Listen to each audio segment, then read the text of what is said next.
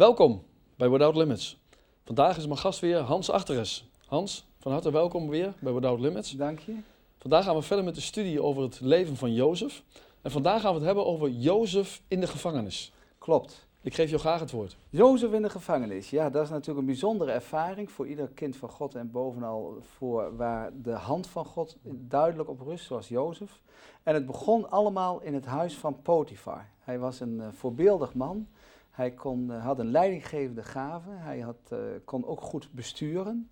En hij kreeg verantwoordelijkheid en zeggenschap in het huis van Potifar. En vermoedelijk heeft dat 2,5, 3 jaar geduurd dat hij daar woonde en vertoefde. Maar op een gegeven moment kwam Potifar van zijn werk thuis. En dat wil ik toch even lezen in Genesis 39, vers 19. Zodra zijn heer Potifar de woorden hoorde die zijn vrouw tot hem sprak. Zo en zo heeft uw slaaf mij gedaan. Ontbrandde zijn toren en Jozefs heer greep hem, wierp hem in de gevangenis. De plaats waar de gevangenen van de koning gevangen zaten. Zo kwam Jozef daar in de gevangenis.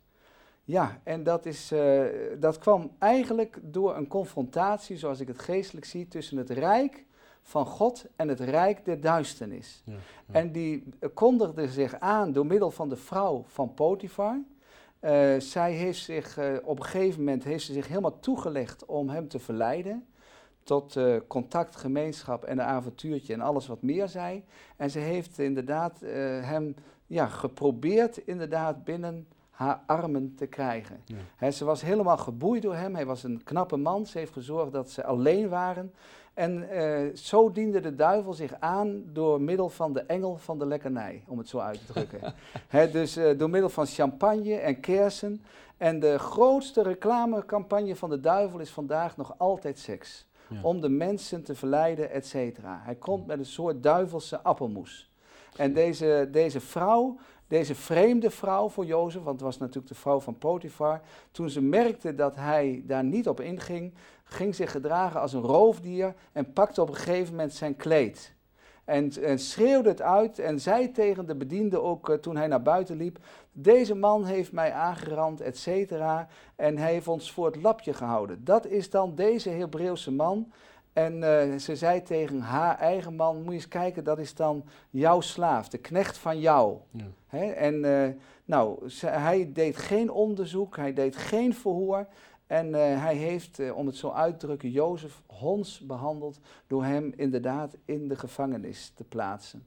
In de staatsgevangenis. Maar zou Potifar niet in zijn hart geweten hebben dat Jozef het niet zou hebben gedaan? Wat denk je? Uh, ja, ik vind dat heel moeilijk, maar ik, uh, door de tijd heen blijkt het dat, dat, dat ik denk dat hij terecht Jozef heeft aangesteld, ook als opziener. En later blijkt ook in de gevangenis, waar hij natuurlijk ook zeggenschap had of kennis van wat daar gebeurde, dat ze ook al Jozef aanstelden. Nou, later wordt hij onderkoning. Dus hij heeft uh, zelf, om het zo uit te drukken, denk ik dat hij door de tijd heen, of misschien op dat moment wel beter wist, maar hij wou geen bonje, want het is maar een slaaf. Het ja, is maar ja. een slaaf. En Jozef werd als een klein lam, want hij gaf geen verwijt, geen woorden. Hij zei niet, ik ben onschuldig, maar hij ging als een soort klein lam ging hij de gevangenis in. Een soort tweede putervaring, ja. maar schrik niet, ongeveer tien jaar lang. Ja. Tien jaar lang in een kerkerhol. Er staat ja. dat hij op een gegeven moment zelfs uit de diepte werd opgetrokken. Is dat niet onmenselijk? Ja, eigenlijk wel. Eigenlijk wel. We, we, onbegrijpelijk. Terwijl we weten dat daar Gods beloften en woorden op liggen. Maar daarin zien we, hij ging de weg van Jezus Christus. Jezus werd ook onder de misdadigers gerekend. En uh, nou, er staat er onder de misdadigers. Hij hing daartussen twee misdadigers aan het kruis. Ja. En zo was Jozef ook jarenlang, dachten ze dat hij uh, schuldig in de gevangenis zat. Maar uh, ja, we kunnen eens lezen dat Psalm 105, vers 17, of 16, 17 en 18, ja. wat er staat in Gods woord over wat hem is overkomen, vooral in de begintijd. Nou, één ding, het is geen pleziertje. Psalm 105, vers 16, 17 en 18. Daar staat. Toen hij hongersnood opriep over het land en alle staf des broods verbrak, zond hij een man voor hen uit. Jozef werd als slaaf verkocht. Men knelde zijn voeten in boeien. Hij kwam in de ijzers. Ja, dat ja, is dat, duidelijk. Dat is wat. Dat, dat, dus hij had gewoon ook lichamelijke pijn. Hij wist dat het onschuldig was. Hij voelde zich verraden, verraden en misschien ook in die tijd wel min of meer verlaten van God en de mensen. Ja. Helemaal alleen. Pijn, onbegrip. En eh, de eerste die op bezoek komt eh, in zo'n situatie is de Satan. Ja. Die klopt aan en die zegt: Kijk, moet eens kijken. Hè? Daar zit je dan. Geloof jij in God? Rust er bij jou een belofte op? Is Gods duif op je hoofd? Heb jij dromen gedroomd? Ja. Heb jij een koningskleding aan die je laat, dat later mensen voor je zullen buigen? Nee, hij had het heel zwaar. Er was geen televisie toen de tijd, er was geen sport. Nee, hij zat daar op een, eh, in het begin heel moeilijk. En eh, ja, dan, dan kan het geloof, zelfs het gouden geloof, soms wel eens zinken. Wat zegt de Bijbel eigenlijk- hè, over onze houding hè, wanneer wij onschuldig moeten lijden? Want ik neem aan dat Jozef toch echt geleden heeft in de gevangenis. Eh, misschien niet zozeer fysiek, hè, dat, dat, dat weet ik niet, dat zou kunnen. Maar toch misschien wel geestelijk, omdat hij misschien ook toch dacht van ja, waarom overkomt mij dit allemaal? Ja, hij heeft daar zeker, denk ik, eh, mee geworsteld en mee gezeten. En eh, de Bijbel die leert ons, en dat is onvoorstelbaar moeilijk, ligt eraan wat voor lijden over je komt, om je ziel over te geven aan de getrouwe schepper. Hm. Hij weet natuurlijk alle dingen, maar dat is makkelijk gezegd dan gedaan. Maar als je lijdt onschuldig, inderdaad probeer het aan God over te geven. Jezus Christus ging ons voor. In alles wat hij heeft gezegd en gedaan, had hij altijd gelijk. Hij had het, het volste gelijk van de wereld, maar hij werd wel aan het kruis gespijkerd. Ik Ja, bedoel, ja. dus als wij denken, oh, wij hebben ook gelijk. Hè, en daarom heb ik een lijden of komen er nare dingen op mijn pad. Laten we op Jezus zien. Maar soms kan het zoals bij, bij Jozef ook ontzettend zwart zijn. Maar inderdaad, we moeten nooit vergeten, wanneer zien wij de sterren aan de hemel? Niet overdag. Niet wanneer de zon schijnt, maar wanneer het donker is. Een keer in Frankrijk, toen was het aardsdonker. Het was, meen ik, 2001, tussen oud en nieuw. En toen zag ik onvoorstelbaar veel sterren, maar het was daar ook onvoorstelbaar donker. En zo wil God soms die, die donkere dingen gebruiken, die donkere processen in ons leven, dingen waarvan we schudden met ons hoofd, dat zoals een lied zegt, ruwe stormen mogen woeden. Alles om mij heen zijn nacht. God, mijn God, zal mij behoeden.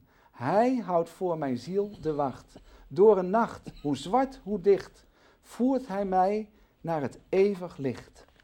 En dan denk ik aan dit boekje. Jozef, inderdaad.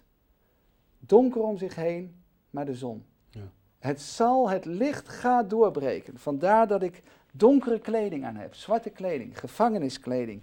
Maar daarnaast geel, een gele blouse. De zon.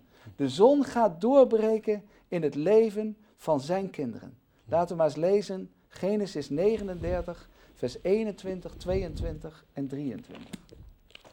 Even kijken. Genesis 39. Vers 21, 22 en 23. Genesis 39.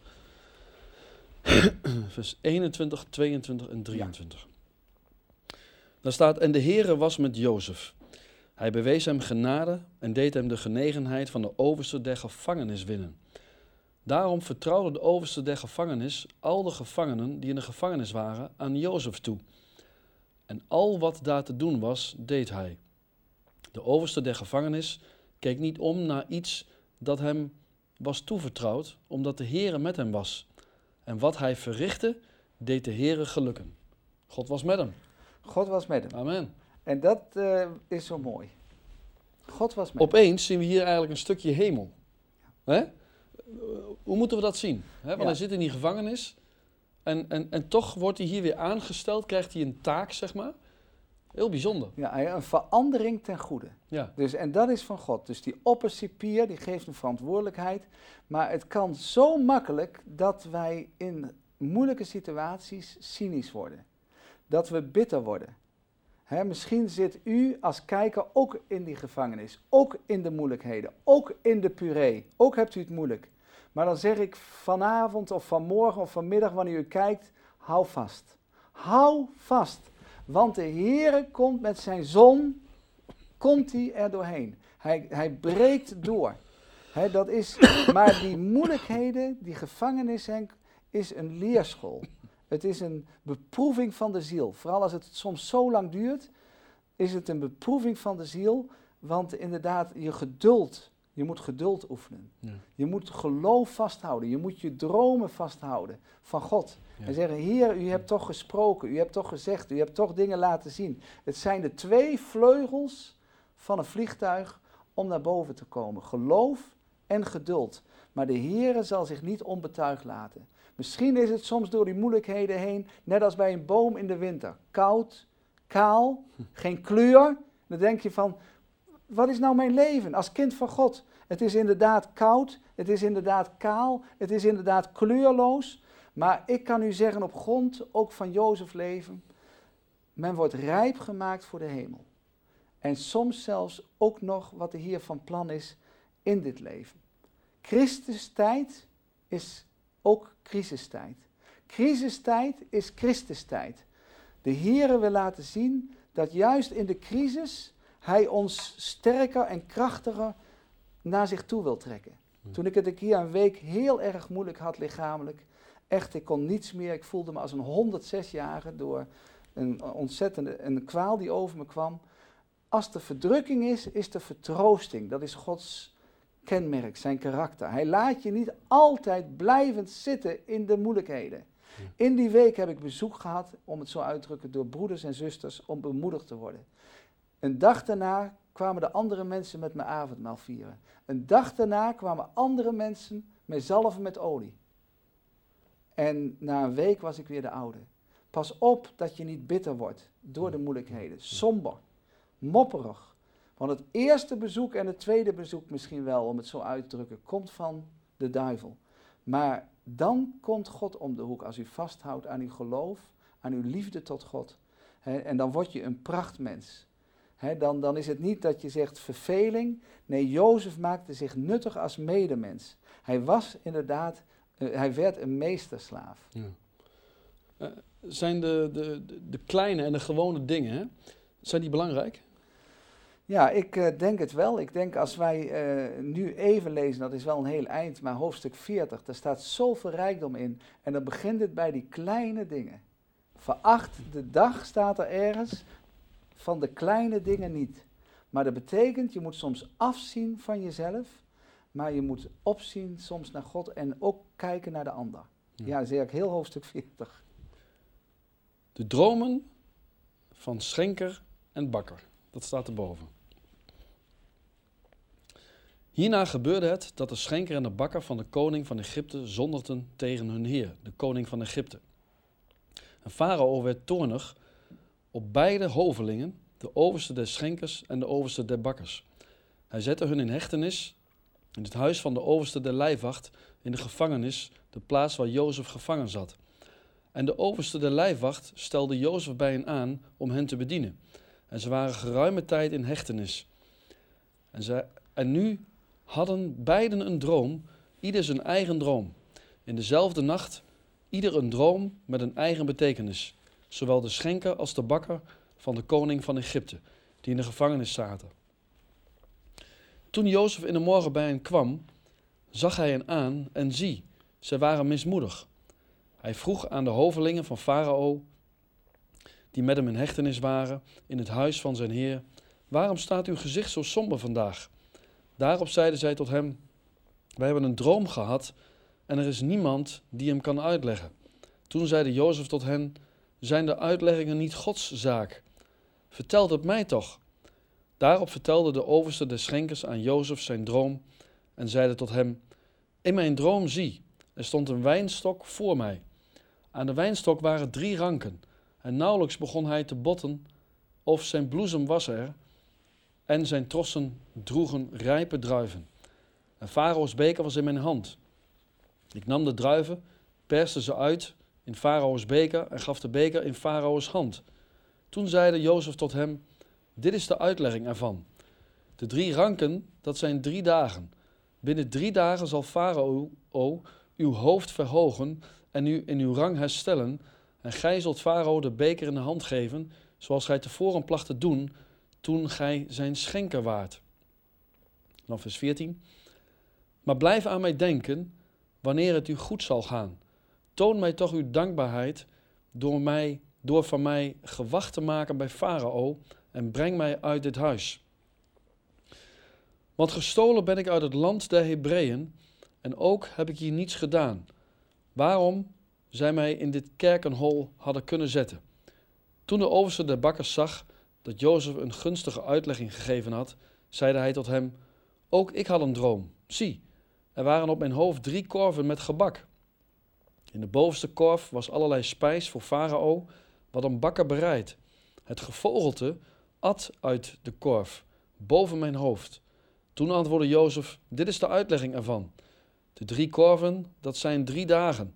Binnen drie dagen zal Farao uw hoofd verhogen boven u en u aan een paal hangen, en het gevogelte zal het vlees van u afeten. Nou, dat zal hier gezegd worden. Ja. Vers 20. Op de derde dag nu, de geboortedag van Farao, maakte hij een maaltijd voor al zijn dienaren.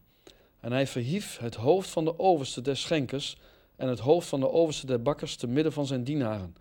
Want hij herstelde de overste der schenkers in zijn schenkersambt, zodat hij de beker weer in Farao's hand gaf. Maar de overste der bakkers hing hij op, zoals Jozef hun had uitgelegd. Doch de overste der schenkers dacht niet aan Jozef, maar vergat hem. Het begon, denk ik, Henk, met de vraag: waarom staan jullie gezichten zo somber? Het veracht de dag de kleine dingen niet. God kan soms door zo'n kleine opmerking, zo'n kleine ehm, liefde voor een ander, interesse, meelevendheid, zorgzaamheid, iets in gang gaan zetten. Ja. En toen vertelde hun dat zij op één nacht twee dromen hadden. Veel mensen, ik ook wel eens, hebben wegwerpdromen. Hij denkt, gelukkig, het was een droom. Maar hier was er geen sprake van toeval. Dit waren twee dromen in één nacht.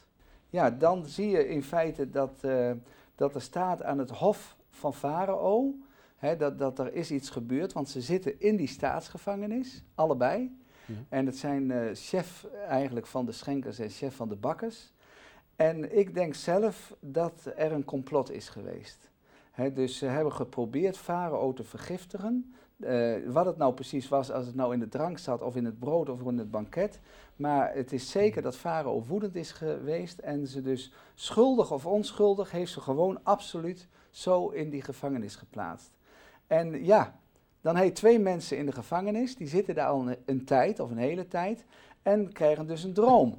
Ja. Nou, dan als je onschuldig in de gevangenis zit, heb je maar één gedachte, dat de waarheid aan het licht komt. Ja. Als jij onschuldig zit. Maar als je schuldig in de gevangenis zit, dan wil je dat de waarheid verborgen blijft. Ja. Nou, allebei hebben ze angst. Eh, God weet alles.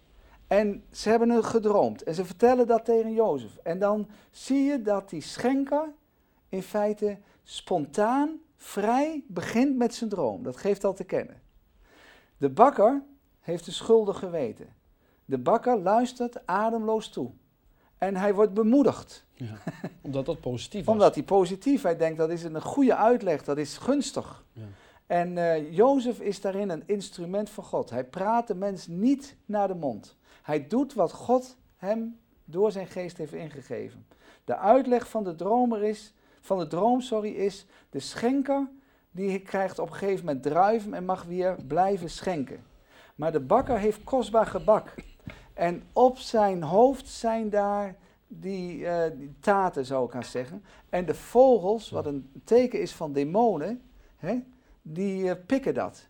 Dus in het hoofd van de bakker, om het zo uit te drukken, zat het niet goed. Ja. Hij werd bezocht en, eh, en liet zich leiden door de macht van de boze. Ja, Door de En- verkeerde geest. zeg Ja, verkeerde geesten. En Ja. God die alles wist. En Jozef was trouw in zijn uitleg.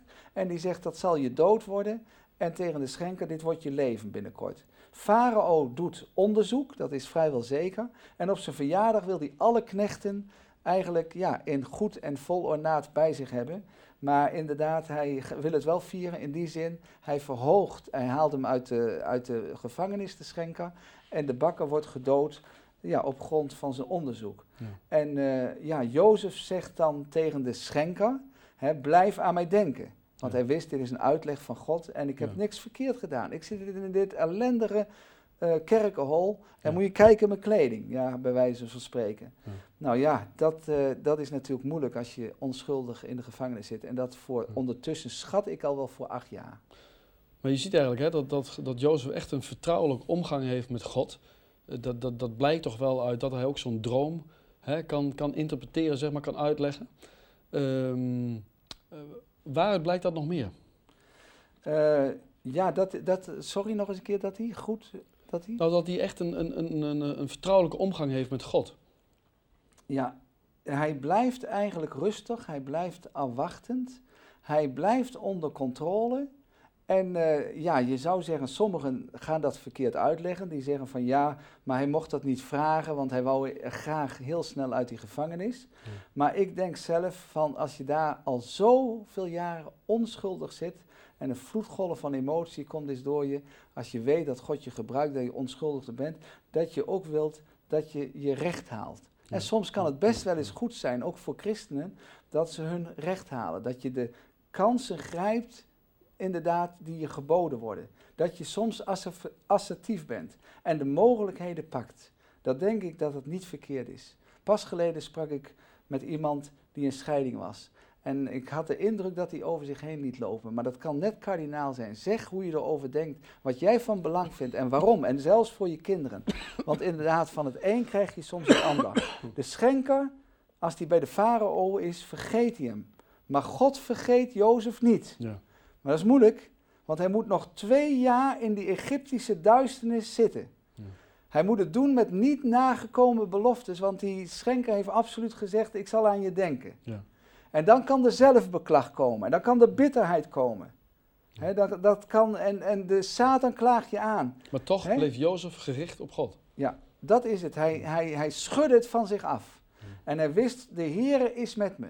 Je moet op een gegeven moment niet proberen zelf dingen te regelen. Dan word je een soort zet, zet, zet, peer. Dat is een zelfstandige zonder zijn persoon. maar je moet het doen met zijn persoon. Ja. En je moet het aan hem voorleggen en aan hem overdragen. Dat is belangrijk. Ik denk in de gevangenis heeft eh, Jozef al een aantal dingen doorlopen. De lagere school heeft hij doorlopen bij Jacob, zijn vader.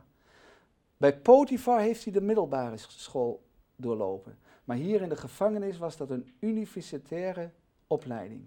Hij moest door de moeilijkheden heen. Hij kon niet verwachten op een redding door commandotroepen of eh, Amnesty eh, International of eh, Ja. hij had geen ijzerveeltje. Nee, de Heer alleen. Waarlijk, mijn ziel keert zich stil tot God. Van Hem is mijn heil. Nou, God had een plan hè, met het leven van Jozef. Maar God heeft eigenlijk een plan met een ieder van ons. Zit iedere, iedere gelover nou in, in die proefschool, zeg maar? Ja, ik denk wel dat de Heer het telkens wil weten van, eh, van ja, wat voor keuzes maken we. Ik denk als wij christen worden dat we juist wilskracht gaan ontwikkelen tot Ja. eer van zijn naam. Ja. En dat de Heer zegt van ik wil je trainen, vandaar discipel, een discipel, hè, dat je getraind wordt. En eh, nou, dat kan alleen maar de bedoeling hebben dat je nauwer komt aan, de, aan, aan het hart van God. Ja. Is het zo dat God ons, zeg maar, wil toetsen of wij misschien een bepaald iets aan kunnen, bijvoorbeeld? Ja, ik denk dat hij ons natuurlijk onvoorstelbaar goed kent. De ene kan meer aan dan de ander. En dat je voor jezelf moet zeggen, inderdaad, Heer, u bent oneindig wijs en u bent oneindig verstandig. U laat dingen toe en u doet het met een bedoeling. Ja. En Heer, dan kan ik het ook dragen. En dan kom ik er doorheen met uw hulp, met uw kracht, met uw bijstand, met uw liefde. En u zult uitredding geven op grond van het woord dat er staat van, eh, dat hij ons niet inderdaad beschaamd laat uitkomen, maar bij de verzoeking en de beproeving ook voor de uitkomst zal zorgen. Dat is natuurlijk enorm bemoedigend. Maar ik kan me voorstellen dat, eh, dat misschien ook soms je iets overkomt, misschien door eigen schuld of door zonde in je leven. Dan kun je zeggen, oké, God laat dat toe. Maar ehm, ja, wat moet je dan doen om daaruit te komen? En hoe kom je daar dan achter? Ik denk zelf dat, eh, dat de, de Heer soms zo werkt dat je overtuigd wordt van schuld of zonde. Dat is al iets bijzonders. Want vanuit onszelf zijn we hard, verhard en noem maar op. Maar de Heer die werkt aan ons hart om ons te overtuigen van zonde.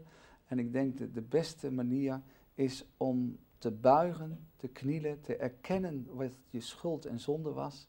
En dat de Heer zegt, ik bied je mijn vergeving aan. Ja. Ik bied je mijn hand aan. Ik bied je mijn liefdevolle ogen aan. Ik bied je mijn zoenende lippen aan.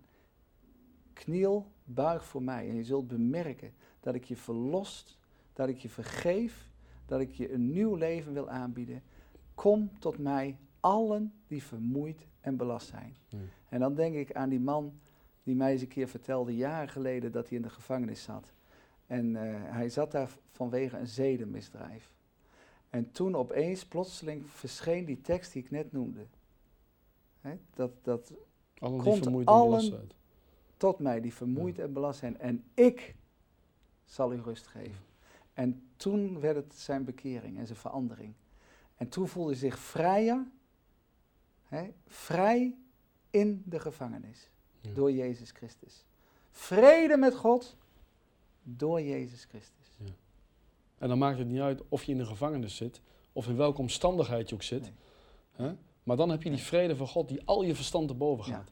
Ja, ik heb één Ja. keer in mijn leven, daarvoor heb ik nooit oprecht gebeden, of zover ik het weet, voor mijn 19e jaar. Maar toen ik 19 jaar was, door Gods werking, heb ik één zin gezegd die ik meende met mijn hart. Ik wist geen eens dat hij in de Bijbel stond. Maar vrede met God door Jezus Christus. Ik zeg, Heer, wilt u mijn zonde vergeven en mijn leven vernieuwen? Toen kon ik God weer in de ogen kijken en hij keek mij in de ogen. Ik ging de Bijbel lezen en het ging tot me spreken. En eh, sindsdien ben ik een blij, een dankbaar mens. En ga ik, om het zo uit te drukken, trampolineachtig door het leven. Prachtig. Hans, we hebben nog een minuutje. Heb je nog een overeenkomst? Eh, type van Jezus Christus en Jozef. Genesis 40, vers 4. En de overste van de lijfwacht stelde Jozef bij hen aan om hen te bedienen.